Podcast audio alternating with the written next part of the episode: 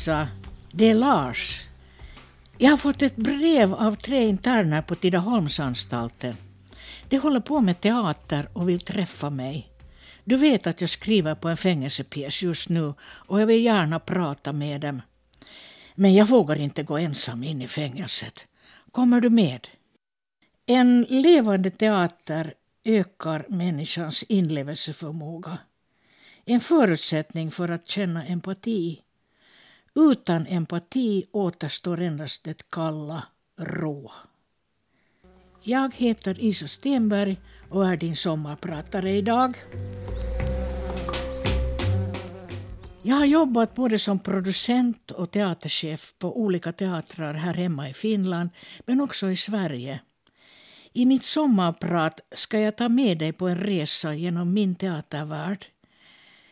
Jag lyfter fram några av de känsliga, geniala och ibland hudlösa scenkonstnärer jag har mött under åren medan det intriganta och hutlösa lämnas därhen denna gång. Det är sent 70-tal. Jag skyndar en tidig morgon längs Mannerheimvägen på väg till jobbet på Lilla Teatern. Då ser jag en man i ljus trenchcoat komma ut från Hotell Marski. Han har kappan halvöppen, håret är lite rufsigt och han släntrar till synes bekymmerslöst fram på en morgonpromenad. Jag tycker att han påminner om någon jag sett tidigare. Jag stannar upp och tittar nyfiket på honom. Detta kan inte vara sant. Jo, det är Olof Palme. Då han passerar mig lyfter han handen, ler mot mig och vinkar ett glatt hej. Jag svarar med ett darrigt hej och står kvar som kusinen från landet och tittar efter honom. Sveriges statsminister har hälsat på mig. Han känner ju inte ens mig. Jag får en klump i halsen. En hälsning och ett vänligt leende är en bekräftelse på att man är sedd, hur obetydlig man än är. Något liknande händer mig och skådespelare Birgitta Ulfsson då vi är på väg till borgmästare Teo Aura för att tala om Lilla Teaterns kärva ekonomi. Utanför stadshuset kommer en lång, stilig man förbi. Han tittar på Birgitta, lyfter på hatten, bugar artigt och går vidare. Herregud, säger Birgitta då vi ramlar in i stadshuset. Hur känner Mauno Koivisto mig? Men klart att Finlands statsminister vet vem du är, säger jag skrattande. Du har ju minsann synts från scenen och på slottsbalarna. Något år senare är han som bekant Finlands president. Vila i frid, Mauno Koivisto. Våra presidenter är flitiga teaterbesökare, också på de svenskspråkiga teatrarna. President Kekkonen besöker Lilla Teatern titt som tätt. Han håller reda på vilka pjäser som går. Adjutanten sköter om biljettbokningen. Presidenten sitter alltid på läktarens första rad. Bredvid scenen finns ett litet utrymme där det ligger en massa bråte. Det städas hastigt undan, golvet sopas och en matta läggs på. Ett bord, några stolar, en flaska starka droppar med några glas och så är det klart för republikens president att sitta vackert där under pausen och ta sig en stänkare. Verandan är en nyskriven pjäs av Claes Andersson och Johan Bargum. Hufvudstadsbladets teaterkritiker Greta Broterus, som ser vänsterspöken i allt, kommer in i salongen just då ridån går upp och ropar till premiärpubliken. Är ni kommunister då ni sitter här? I recensionen skriver hon om kompositören. Och där satt Erna Tauro med sitt eviga pling-plong. Lillan är världsunik genom att man spelar på två språk. Man kan byta från svenska till finska med samma skådespelare i uppsättningen. Asko Sarkola berättar att då han är på väg mot scenen för sin entré frågar han av någon i förbifarten är det på finska eller svenska ikväll? Tänk att komma in på scenen och tala fel språk. Asko är en ung och energisk teaterchef och en skicklig skådespelare. Mig lotsar han med stort tålamod in i teaterns värld. Ofta smyger jag mig in under föreställningen av Bertolt Brechts Schweik i andra världskriget. Dels för att se på Gusse Wiklund och dels för att höra Elina Salo sjunga den gripande Moldausången. Elina är unik också så tillvida att hon äger en lägenhet och då banken begär pant för att bevilja ett lån till teatern lämnar hon ut sina aktier, gång på gång. I styrelsen sitter en mäkta järntrust med Väinö Linna-översättaren Nils Börje Stormbom som ordförande. Styrelsen ser ogärna att jag lämnar Lillan för att flytta till Sverige, vilket jag gör hösten 1980. De erbjuder mig halvtidslön under ett helt år om jag sköter teaterns affärer på distans från Stockholm. En kväll i hissen på väg till styrelsemötet har jag sällskap av Tove Janssons förre fästman, riksdagsmannen och kulturkritikern Atos Virtanen. Han som är förebilden för snusmumriken. Jag har ett mongolmärke på ryggen, säger han. Vill du se det? Han kränger av sig skjortan i hissen och jag kan konstatera att det finns ett rejält märke nere vid ryggslutet. Jag undrar smått om det bara är Tove Jansson och jag som har fått äran att se det. Många år senare, då jag är på väg till jobbet på Södra Teatern i Stockholm, passerar jag Cornelis Vreeswijks grav på Katarina kyrkogård. Jag minns hans trätobroder Fred Åkerström och hans gästspel på Lilla Teatern. Som en del av gaget vill han äta ett antal bakelser på Fatsars café. Jag ombeds följa med från teatern med en pengbörs. Samma kväll är det invigning av Muminhusets installation i Tove Janssons ateljé. Mumintrollet Lasse och Muminmamman Bisse är självklara gäster. Jag tillhör också de inbjudna. Muminhuset står mitt i tornrummet på Ulriksborgsgatan 1. Fred sjunger och spelar och de små kristallkronorna i Muminhuset tändes. Vi hurrar och skålar och atmosfären är förtrollande ljuvlig. Kvällen avslutas med dans. På väg hem nerför de branta torntrapporna fastnar mina tunna skoremmar i varandra och jag faller handlöst nerför stentrapporna och drar Tom Pöysti med mig i fallet. Han bryter av en framtand och blöder förfärligt. Oj, oj, så mycket blod, säger Tove och tar hand om Toms nedblodade tröja som hon senare tvättar. Tom ska följande morgon på en tv-inspelning. Jag tycker hemskt synd om honom och jag tycker också hemskt mycket om honom. Efter den händelsen ser jag honom inte förrän knappt tio år senare då han spelar I väntan på Godot på Svenska Teatern. Brodern Micke regisserar och pappa Lasse är motspelare. Från salongen försöker jag diskret titta efter om han har en ny framtand. Lasse Pöysti är frankofil och talar en utsökt vacker franska. Han utnämns 1981 av Sveriges regering till chef för Kungliga Dramatiska Teatern i Stockholm, Sveriges nationalscen, Dramaten kallad. Lasse vill att Birgitta kommer med till Dramaten. Hon vill inte. Birgitta säger att han ska be mig komma med, att han kan behöva någon att hålla handen. Han begär tillstånd av regeringen att få ta med en egen chefsekreterare från Finland. Det finns cirka 700 personer på Dramatens lönelista och lika många konflikter i huset höll jag på att säga. Hälften av personalen är fastanställd och av dem är 70 skådespelare. På teatern finns sex scener. Svenska staten betalar fiolerna. Jag placeras i ett rum i anslutning till chefsrummet och är draken som vaktar det allra heligaste.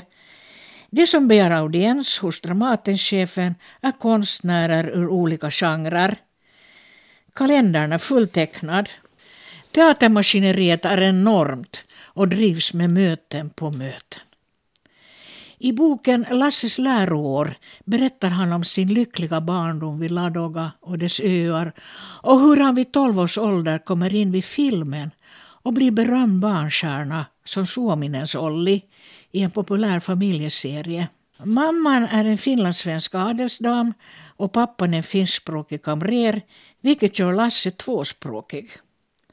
Birgitta berättar att då deras pojkar var små och sparkade fotboll med både finsk och svenskspråkiga grannungar på gården ropade en av dem genom fönstret Mamma, är vi finnar eller svenskar? I början på 80-talet läser Lasse godnattsagor i finsk barn-tv. En iltasato varje kväll. Han lär sig sju sagor utantill på raken och flyger från Stockholm till Tammerfors för bandning på söndagar. En dag möter han en mamma med barnvagn på gatan och då det lilla barnet får syn på Lasse tar barnet nappen ur munnen och säger Pikku kakkonen. Det är kanalen där sagorna sänds. Den första Dramatenskådespelare som Lasse vill träffa är teaterns leading lady, Margareta Krok. Vet du Margareta, jag tycker att du ska göra små roller också på de mindre scenerna och inte bara stora roller på stora scenen. Vet du vad jag tycker Lasse Pöysti, svarar Margareta. Jag tycker att du ska ta första båten hem. Det smäller till i dörren och så är hon borta ett halvår. Men hon kommer tillbaka. Lasse säger samma sak till Jarl Kulle men han är en älskvärd och blygsam person som inte sätter sig upp mot sin chef. Till mig anförtror Kulle att hans första fru hette Isa och var en adelsdam från Finland. Där ser man.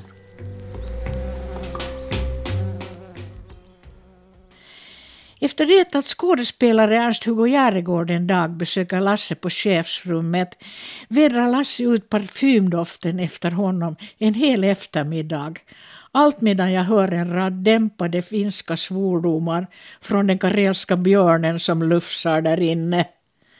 Men Järegård är en hygglig person och åker på min oförblommerade förfrågan en valborgsmässoafton till Lilla Teatern för att gratis hålla en enmansshow där.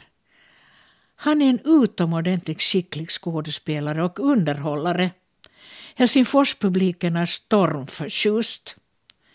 Tyvärr tar cancern dessa tre Dramatenskådespelares liv alltför tidigt. Lasse kallar Birgitta för Vanharova med värme. Om han får syn på mig ropar han däremot ”Si du satan!” Men det är också med värme. Han är en skicklig imitatör och ibland låter han som Veikko Sinisalo och ibland som Tarmo Manni då han talar finska med mig. Mina skratt hörs ända ut i chefskorridoren där Erland Josefsson råkar komma gående. Vem är det som skrattar i dessa dödens boningar? frågar han. De första åren känns pjäsvalet tilltalande och salongerna är välfyllda. Men då Lasse skruvar till repertoaren några varv kommer det tunga artilleriet från världsdramatiken in i bilden. Fina pjäser i och för sig, med sådant som ingen vill se. Publiken uteblir, salongerna är halvfulla och missnöjet sprider sig. I antikens Grekland blir teaterchefen halshuggen om publiken inte gillar föreställningen. På Dramaten är det Ingmar Bergman som driver fram ett chefsbyte. Han har redan vidtalat en ny teaterchef.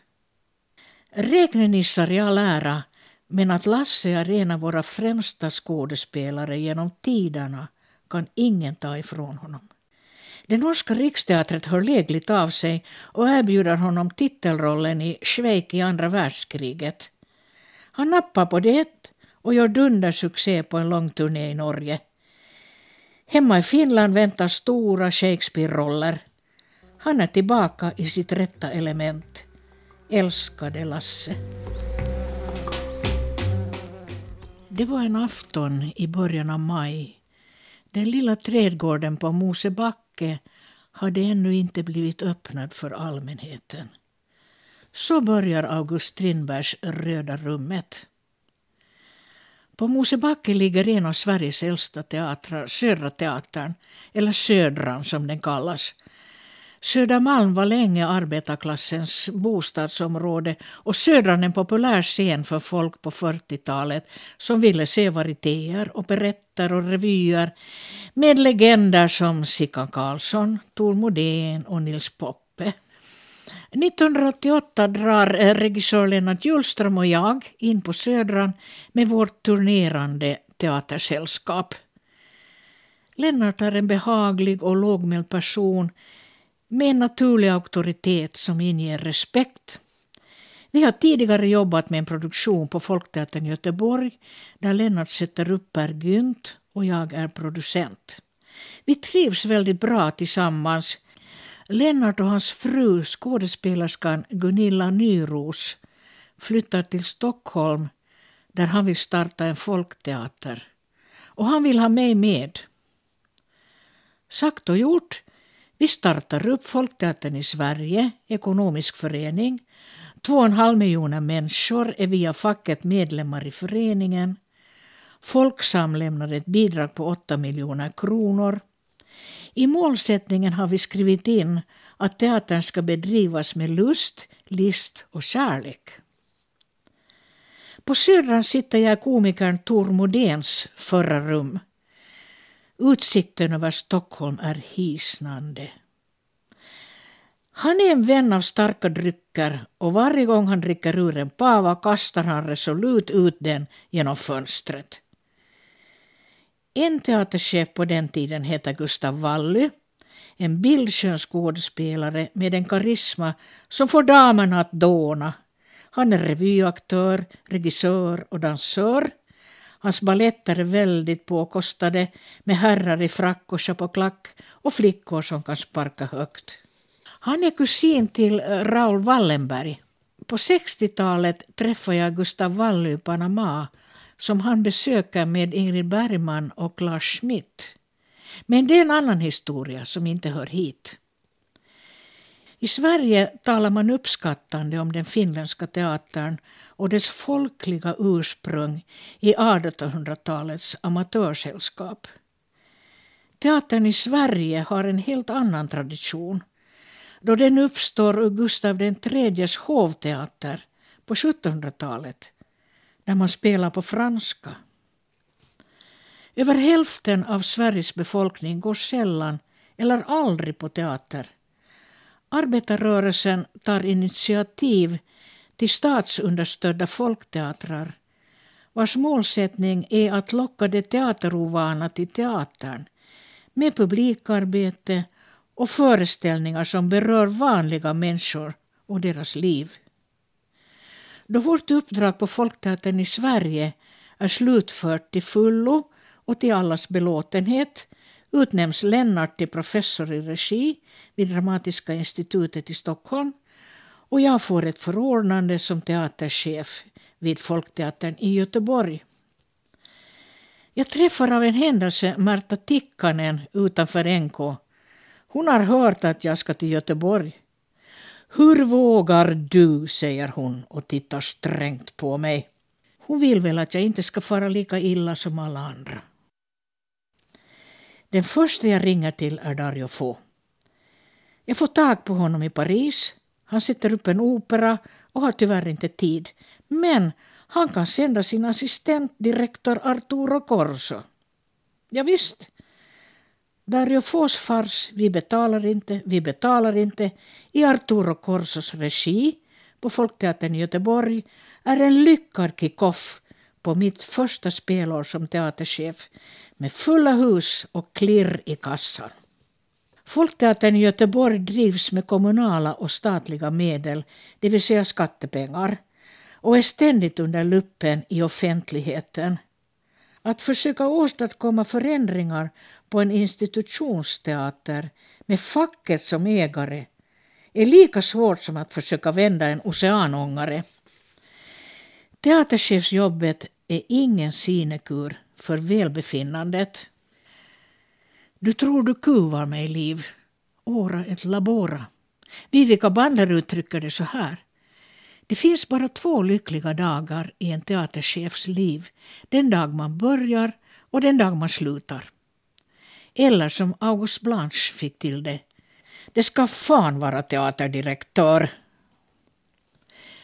Att leda en folkteater kan dock inte jämföras med hur det går till att driva en frontteater under finska fortsättningskriget. Skådespelare Bjarne Kommont har startat upp en svenskspråkig krigsteater som spelar i en barack på Aunusnäset. På frontteatern viner riktiga kulor runt öronen. Där är teater livsfarligt på riktigt. Då mitt förordnande går ut skriver Göteborgs-Posten i rubriken Isa Stenberg lämnar Folkteatern med flaggan i topp. Riksteaterns VD Pierre Fränkel kommer med ilfart till Göteborg. Vad vill han? Jo, han erbjuder mig jobbet som vice teaterchef på Riksteatern. Det finns redan en chef. De behöver två. Riksteatern är världens största turnerande teater. Folk kan anordna en trevlig avskedsfest för mig. Dramatikern Lars Norén tar tåget till Göteborg och dyker upp på festen. Han sätter sig bredvid mig. Jag känner honom sedan tidigare. Vad vill han? Jo, han vill att jag kommer till Stockholm och startar upp en ny teater med honom. Jag förstår att han vill ha en egen teater, liksom Strindberg. Jag tänker osökt på Strindbergs berömda frieri till Harriet Bosse. Vill fröken Bosse ha ett litet barn med mig? Nej, nej, kära August, men en liten teater blir bra. Jag tycker att skådespelare, de är inte gudar, men de är änglar som kommer ner från Gud för att berätta för människor, att berätta om livet och jorden. Det här är ett citat ur Personkrets 3.1. Tornuret i björkarnas stad visar på 1.45. 200 människor står entusiastiskt sida vid sida i de vita teaterbänkarna och ger ett jublande bifall i fem minuter till en urpremiär som börjat klockan 19 kvällen innan och nu klingar ut till tonerna av Sometimes I think that I know what love is about. Sju timmar senare, två timmar in i det nya dygnet. Lars Noréns personkrets 3.1 ser dagens ljus i Umeå den 17 januari 1998. Lars Norén är idag Sveriges mest betydande dramatiker efter Strindberg. Hela hans författarskap handlar om utanförskapsmänniskan och vår tids alienation när det gäller tro, ideologi och värderingar. Han argumenterar för att vi andra ska se även dem som ingenting är värda i samhället och samtalet. Personkrets 3.1 är en ursinnigt samhällskritisk pjäs. Författaren har själv regisserat. Kritikerkåren är lyrisk och talar om ett genialt mästerverk. En vattendelare i svensk teaterliv. 15 lysande skådespelare står på scenen och får en välförtjänt knuff framåt i karriären. Som producent har jag aldrig tidigare upplevt en så kaotisk repetitionstid som denna. Men ur oredan stiger det fram ett fulländat konstverk, en sorts divina commedia, Dantes nedstigning till helvetet. Lars lyfter fram missbrukare, förbrytare och andra av samhällets olycksbarn och ger dem en röst. Pjäsen är också en skoningslös uppgörelse med namngivna politiker och journalister. Tre långtradare lastade med dekor kör runt om i Sverige till de olika spelplatserna i bollhallar, nedlagda fabriker och kaserner 20 tekniker behövs för bygget som tar en och en halv dag. Jag sitter med på alla föreställningar som föreställningsvakt Sju timmar varje kväll längst bak i mörkret utanför scenbygget. Expressens teaterpris för årets bästa föreställning går till ensemblen i personkrets 3.1. Vid ceremonin kallar skådespelarna upp mig till scenen där de överlämnar priset till mig. Jag blir djupt berörd av deras generösa gest. Utsliten efter ett jobbigt produktionsår med personkrets och i slutfasen av en tung turné runt om i landet väcks jag en morgon på ett hotell i Skövde av en telefonsignal. Hej Isa, det är Lars. Jag har fått ett brev av tre interner på Tidaholmsanstalten. De håller på med teater och vill träffa mig. Du vet att jag skriver på en fängelsepjäs just nu och jag vill gärna prata med dem. Men jag vågar inte ensam gå in i fängelset. Kommer du med? Den sju meter höga fängelsemuren är skrämmande. Vi släpps in genom porten och lämnar våra ID till centralvakten. Våra fickor och väskor kontrolleras. Vi går igenom en metalldetektor, passerar sju låsta dörrar med en vakt. Han för oss in till en sluten avdelning, en säkerhetsavdelning som kallas L1, djupt in i fängelset. Vi träffar brevskrivarna, Mats 20 år, Tony 24 år och Kalle 30 år. De har redan hunnit göra mycket illa fastän de är så unga. De betecknas som 23 år, farliga och rymningsbenägna fångar. Men alla tre är begåvade, belästa och verbala. Mats och Tony är i slutet av sina straff och kommer inom ett år att lämna fängelset. De säger till Lars att de är nationalsocialister, men att Kalle inte är det. Beskedet är chockartat. På tåget hem är vi nedstämda. Men som författare vill Lars söka svar på vad det är som får unga män att anamma en så fasansfull våldsideologi som nazismen. Vi fortsätter att besöka dem i fängelset. Lars samtalar med dem och jag bandar samtalen. Efter tio månader har vi premiär på en pjäs som får heta 7-3. Mats och Tony spelar rollerna som Mats och Tony i pjäsen.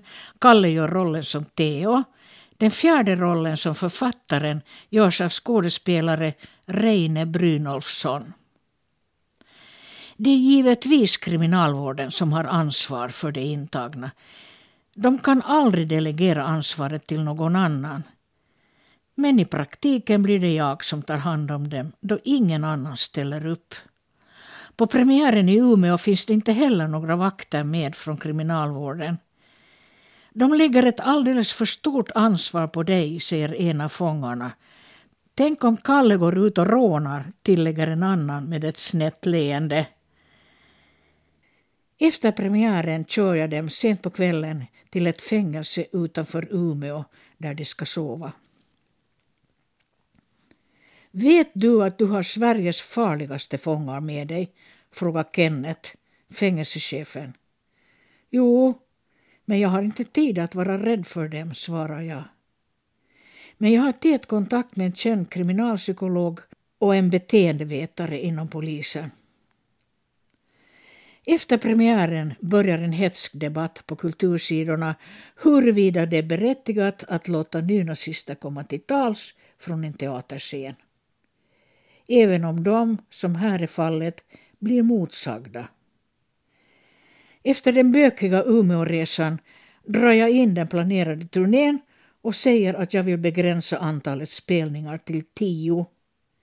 Ingen går med på det. 23 är en succé det är kö till biljettkassan och föreställningen ligger högst på Kulturbarometern. Den 7 april kontaktar jag alla i projektet och föreslår att vi lägger ner pjäsen. Tony och Mats har nya våldsamma tatueringar, bland annat av en Kalashnikov och andra automatvapen, gotisk text om eternal hate och liknande. Jag ser att de är rastlösa och retliga.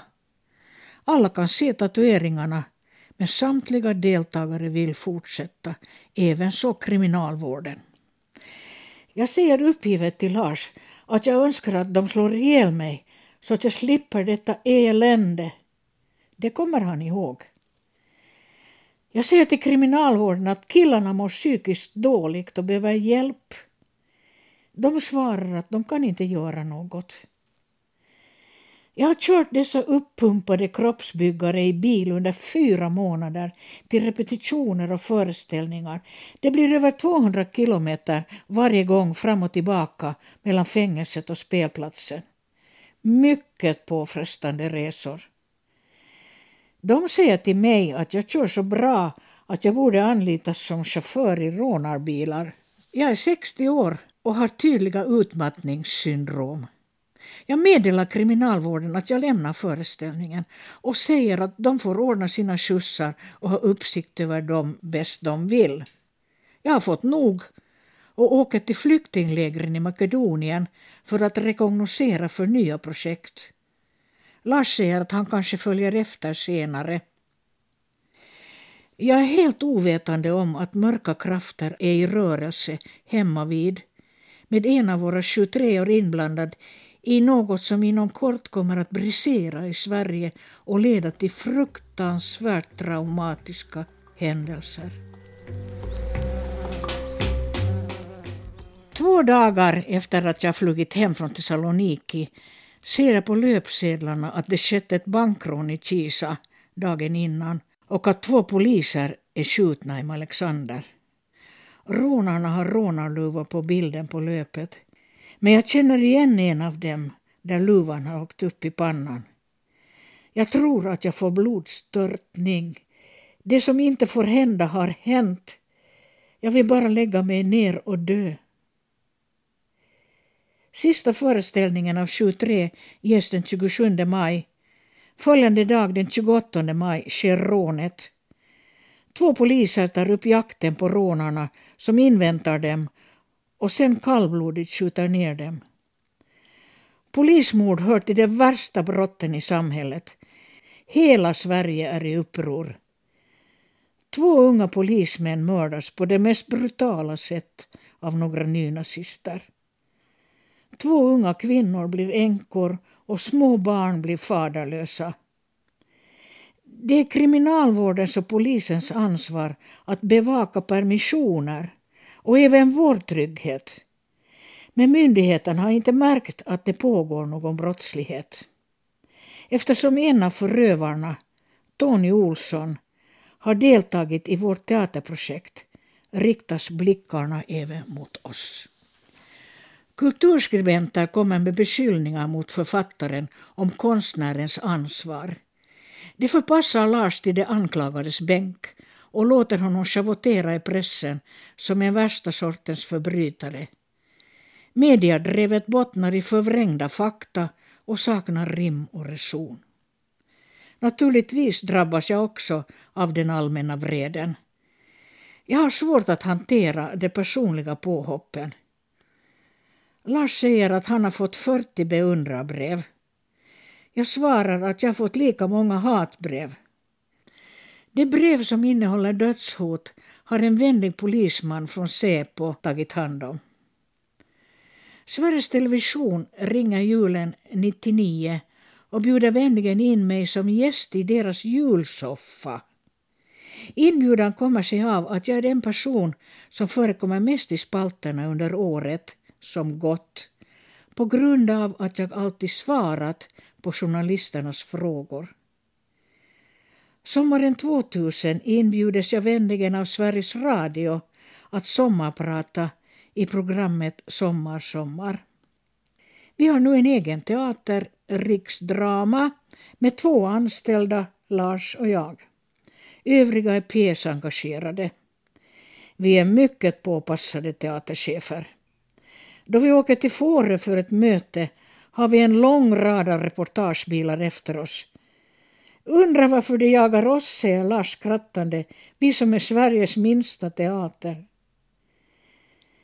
För mig betyder året med Lars oerhört mycket. Vi är goda vänner och vi jobbar seriöst, intensivt och engagerat med våra projekt. Humorn finns alltid på plats och skrattet ligger på lut. Att jobba nära Lars är som att gå på en påbyggnadskurs i humaniora på universitetet. Men han kan också vara skrämmande, lik morran som får marken att frysa till is där hon drar fram. Jag tänker på en dramatikers dagbok från 2013 där han rasar och låter piskan vina över vänner och lojala medarbetare. Om mig skriver han att jag liknar en ardenner. Jag googlar. En ardenner väger ett ton och orkar dra dubbelt så mycket.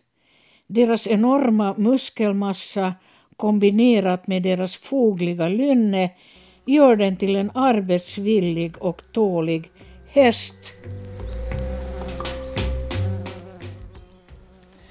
Jag heter Isa Stenberg och jag har varit din sommarpratare idag.